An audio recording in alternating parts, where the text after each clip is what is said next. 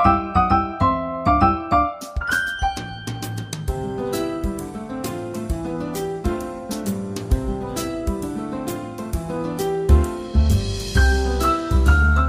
adik-adik, Shalom. Seneng deh, Kak Sena bisa kembali ngebawain renungan harian audio Cerdas Berpikir edisi kisah-kisah dan tokoh-tokoh dalam Alkitab. Hari ini, Kak Sena akan ngebawain renungan yang judulnya Melakukan dengan Baik. Bacaannya ada di sepanjang kejadian pasal 24. Adik-adik bisa baca kisahnya supaya tahu ceritanya. Kalau kemarin-kemarin kalian dengar pembahasan mengenai riwayat Abraham, kali ini kita akan ngebahas tokoh lain di sekitaran Abraham. Namanya juga kisah-kisah dan tokoh-tokoh dalam Alkitab. Kita mulai ya. Jadi, Abraham udah tua banget nih. Dia bermaksud mencarikan istri bagi Ishak. Dia maunya calon istri Ishak nanti itu berasal dari kerabatnya di negeri sebelum Tuhan memanggilnya. Nah, untuk mewujudkan hal tersebut, Abraham menyuruh hamba yang paling tua. Dan pasti dia sangat dipercaya Abraham. Abraham kasih dua syarat utama kepada hambanya itu. Syarat pertama, nggak boleh ambil calon istri buat Ishak dari Kanaan. Harus dari tempat kerabatnya Abraham. Syarat kedua, nggak boleh bawa Ishak. Wah, misi yang susah banget ya. Nih ya, jalan ke tanah asal Abraham aja udah jauh banget. Belum lagi nyari wanita yang tepat. Soalnya kan calon istri yang dicari itu harus dari kerabat Abraham sendiri. Kalaupun bisa ketemu, hmm, emangnya segampang itu si wanitanya mau diajak ke tempat Abraham? Apalagi Ishak nggak boleh diajak. Kalau udah gini, perempuan mana yang mau percaya? Itu juga mungkin yang dipikirkan hamba tersebut. Tapi kayaknya Abraham tahu kemungkinan-kemungkinan tadi. Makanya dia bilang bahwa tugas hamba tersebut akan dianggap selesai waktu wanita yang dipilih ternyata nggak mau diajak. Ternyata hamba tersebut menjalankan tugasnya dengan sangat baik dan pastinya jujur. Sebenarnya dia bisa aja pas nyampe di Aram Mesopotamia, dia pilih aja wanita lajang di sana secara acak. Tapi dia nggak mau lakukan itu dia tetap melakukan dengan baik dan jujur. Kasena ulangi ya, dengan baik dan jujur. Dan singkat cerita, berkat pertolongan Tuhan, dia berhasil menemukan wanita calon istri Ishak.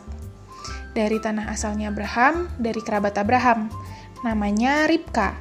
Soal detail ceritanya, kalian bisa baca sendiri ya. Nah, kisah ini nggak dimaksudkan supaya kelak kalian bisa begitu saja dengan mudahnya meminta orang lain mencari calon suami atau istri adik-adik. Soal calon suami atau istri kalian kelak, tentu kaliannya yang harus mempertimbangkan dengan matang. Kisah ini dimaksudkan supaya kita belajar memiliki sikap tanggung jawab yang excellent.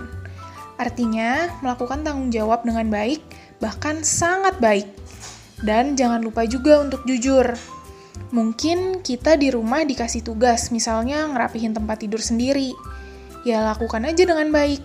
Atau dalam suatu organisasi tertentu, posisi kita kelihatannya sepele. Ya lakukanlah tugas kita dengan baik dan jujur. Atau misalnya suatu saat nanti kalian terlibat dalam suatu kepanitiaan. Katakanlah panitia Natal di gereja. Kalian berharapnya jadi ketua.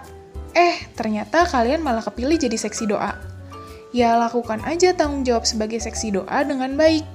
Posisi itu juga penting banget loh. Atau misalnya, kelak kalian ngelamar kerja dan diterima di satu posisi yang sebenarnya bukan mau kalian. Ya, kerjain aja tugas kalian dengan baik. Pekerjaan yang dilakukan dengan baik, bahkan sangat baik, pasti suatu saat akan memberi dampak yang baik juga loh. Entah bagi kita ataupun bagi orang lain. Hamba Abraham tadi contohnya. Berkat keberhasilannya, Ishak menikah dengan Ribka.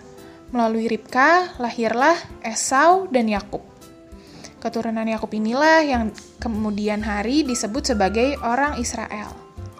Sebagai penutup, Kasena mau bacain sebuah ayat yang kece banget nih. Ayatnya terambil dari Kolose 3 ayat 23 yang bunyinya Apa pun juga yang kamu perbuat, perbuatlah dengan segenap hatimu, seperti untuk Tuhan dan bukan untuk manusia. So, ayo kita belajar lebih baik lagi, oke? Yuk kita berdoa. Tuhan Yesus, terima kasih untuk renungan yang sudah kami dengar pada hari ini. Hari ini kami kembali diingatkan untuk melakukan segala pekerjaan dengan baik, jujur, dan sepenuh hati seperti untuk Tuhan dan bukan untuk manusia. Hari ini kami memahami bahwa pekerjaan dan tugas apa pun yang kami lakukan adalah sebuah pelayanan yang harus kami lakukan dengan baik. Untuk itu, kami mau belajar untuk melakukan semua tugas kami dengan sangat baik, tidak peduli sekecil apa pun tugas kami, karena kami tahu bahwa sekecil apa pun tugas kami, pasti Engkau lihat. Terima kasih Tuhan, haleluya, amin. Tetap sehat, tetap semangat, dan tetap jadi berkat. Jangan lupa bahagia ya, Tuhan Yesus berkati, dadah!